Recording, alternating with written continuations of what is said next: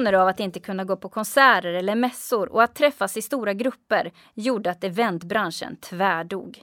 Pandemins framfart gjorde att många jobb försvann, inte minst för unga personer. Och vilka känslor väcks då när jobbet bokstavligen raseras från en dag till en annan? Och hur hittar man en väg tillbaka?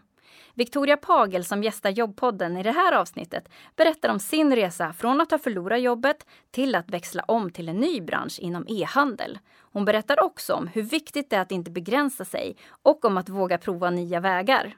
Du lyssnar på Arbetsförmedlingens jobbpodd och jag heter Charlotte Lindman. Hej Victoria och välkommen hit! Hej, tack så mycket! Kan inte du berätta bara lite kort vem du är? Absolut. Jag heter Victoria Pagel, fyller snart 21 år. Eh, kommer från Malmö men bor just nu i Stockholm sedan ett år tillbaka och pluggar media och kommunikationsvetenskap. Mm. Du har ju en bakgrund att eh, du började, när du började jobba så jobbade du inom restaurangbranschen och har jobbat inom det ett tag. Och sen gick du över på eventbranschen. Kan du berätta lite grann vad du har jobbat med? Ja men precis. Tidigare har jag då jobbat mycket inom restaurang, hotell, café. Eh, men då när det blev aktuellt för mig att flytta till Stockholm så eh, så hade jag en app i min mobil som erbjöd lite andra former av jobb. Det var mycket event och mässor och, och att man skulle dema i matbutik och så vidare. Um, så att på det spåret var det och vägen ifrån liksom e-, restaurang till event är inte så lång egentligen för att det är mycket att man ska servera och man ska eh, möta gäster och man ska liksom ta hand om dem, få, deras bästa, få dem att få deras bästa upplevelse. Um, så det var på den vägen och uh, då har jag jobbat med alla möjliga typer av event. Uh, så det har varit väldigt blandat och väldigt roligt framför allt. Mycket olika arbetsplatser, kollegor och arbetsuppgifter. Så att uh, det har passat mig väldigt bra. Mm. Men sen kom ju pandemin här i våras och sa bara smack in i eventbranschen och det blev som ett djupt hål nästan. Mm. Från en dag till en annan så kunde man inte träffas längre. Ehm, just jobben inom rest, både restaurang men framförallt event där man inte kunde samlas i grupper och sådär. Vad tänkte du då när det liksom bara allt det här försvann? Alltså jag förstod ju väldigt snabbt att det här skulle påverka framförallt eventbranschen just med alla restriktioner. Och jag förstod ju då i samband att det också skulle påverka mig. Eh, det var jag absolut inte beredd på för att jag alltid tänkt just restaurangbranschen som en bransch man kan luta sig tillbaka på. Det kommer alltid finnas folk som vill gå ut och käka och underhållning liksom och, och detsamma med events då. Eh, så jag förstod snabbt att det här skulle påverka mig och många andra, alla mina liksom kollegor och så jag brukar jobba med. I och med att jag jobbat mycket med service och kundkontakt tidigare så blev det då att jag växlade om och började på kundtjänsten på Meds apotek som hade fått, de hade ju växlat upp enormt mycket och de hade ju väldigt högt tryck. Eh, så då blev det att jag på några få dagar hamnade, hamnade där och fick liksom bara ja, ändra om hela mitt tankesätt och bara tänka okej okay, nu kör vi här. Mm. Vi ska backa tillbaka lite grann för nu berättar du liksom hur liksom verkligen den här växlingen blev en, en stor kris men sen så hittade du någon sorts lösning här mitt i alltihopa eh, med någonting som heter växla jobb. Mm. Och det här är ju jätteintressant med att eh, du kommer från en bransch, eventbranschen, och eh, Meds, för de som inte vet vad det är, det är ju en e-handelsbransch. Kan mm. du berätta lite kort om bara vad Meds är för någonting? Men precis, det är då det mobila apoteket. Så att det är ett apotek på nätet.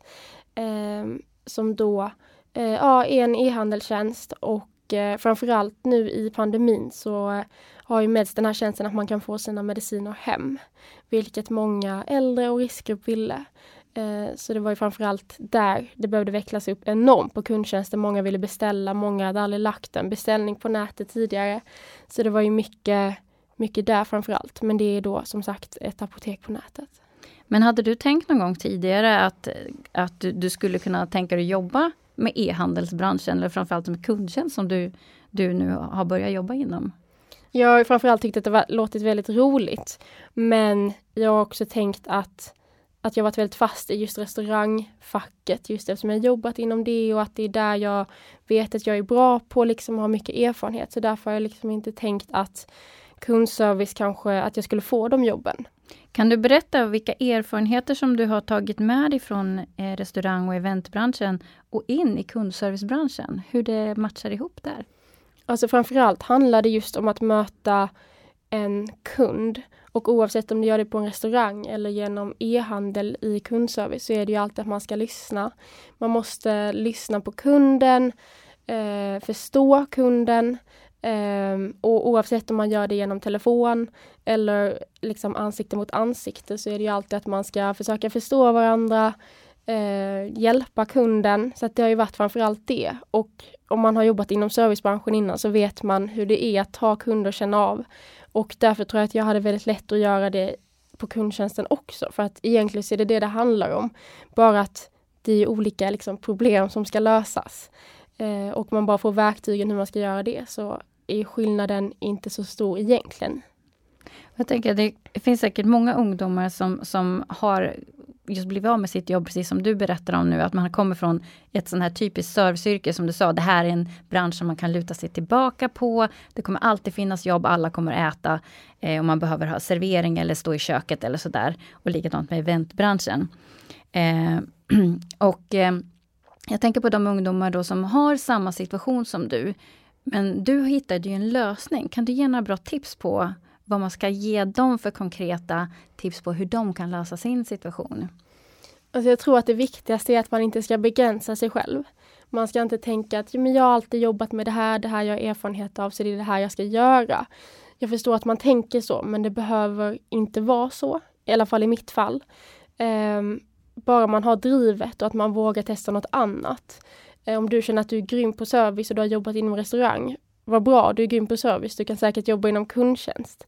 Eh, och flera andra exempel såklart. Så att jag tror det viktigaste är att inte begränsa sig själv, våga. Eh, och det är också lite upp till arbetsgivare känner jag, att man kanske inte alltid ska titta så mycket på meriter och erfarenheter utan faktiskt vem är den här personen som, eh, vem är den här personen som person liksom? Eh, hade den här personen kunnat göra ett bra jobb? Ja. Då är det bara att lära personen resten. Liksom. Mm. Men det här med att växla jobb då som du pratade om. Kan du berätta lite mer om hur det går till och hur är matchningen där i att växla? Jo men det är då att man eh, det är då genom Gigster som de har då på sin hemsida att man då kan växla jobb via Swedbank. Det har Swedbank också på sin hemsida. Så då får man helt enkelt fylla i eh, sin bakgrund, sina erfarenheter, vem man är som person. Eh, och då är det då Gigster som ska matcha ihop dig med din nya arbetsgivare. Och det är samma sak där för företag, att de eh, tar kontakt och eh, berättar vad de har för behov. Och då är det då Gigster som gör matchningen. Men eh, nu har ju du också börjat med ett nytt spår. Du nämnde att du har börjat plugga. Mm. Eh, hur har tankarna gått där? För mig har det varit ett väldigt enkelt val vad jag ville plugga. Jag har alltid varit väldigt intresserad av media, eh, samhällsvetenskapliga frågor, så det har alltid varit det jag velat jobba inom.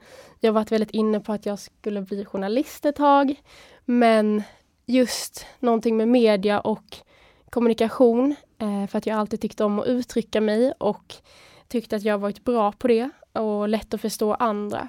Så att på det sättet var det ett självklart val.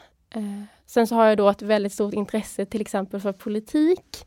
Så då kommer det in med internationella relationer att jag har eh, drömmar om att jobba inom politik på något sätt. Eh, och då tycker jag att det passar perfekt just kanske att bli kommunikatör inom eh, något sådant yrke. Liksom. Mm. Vilka erfarenheter kan du tänka dig nu att du kommer ta med dig då ifrån att du har kommit från en bransch som det kanske har krisat lite för, men som vi förhoppningsvis också kommer se blomstra upp snart igen.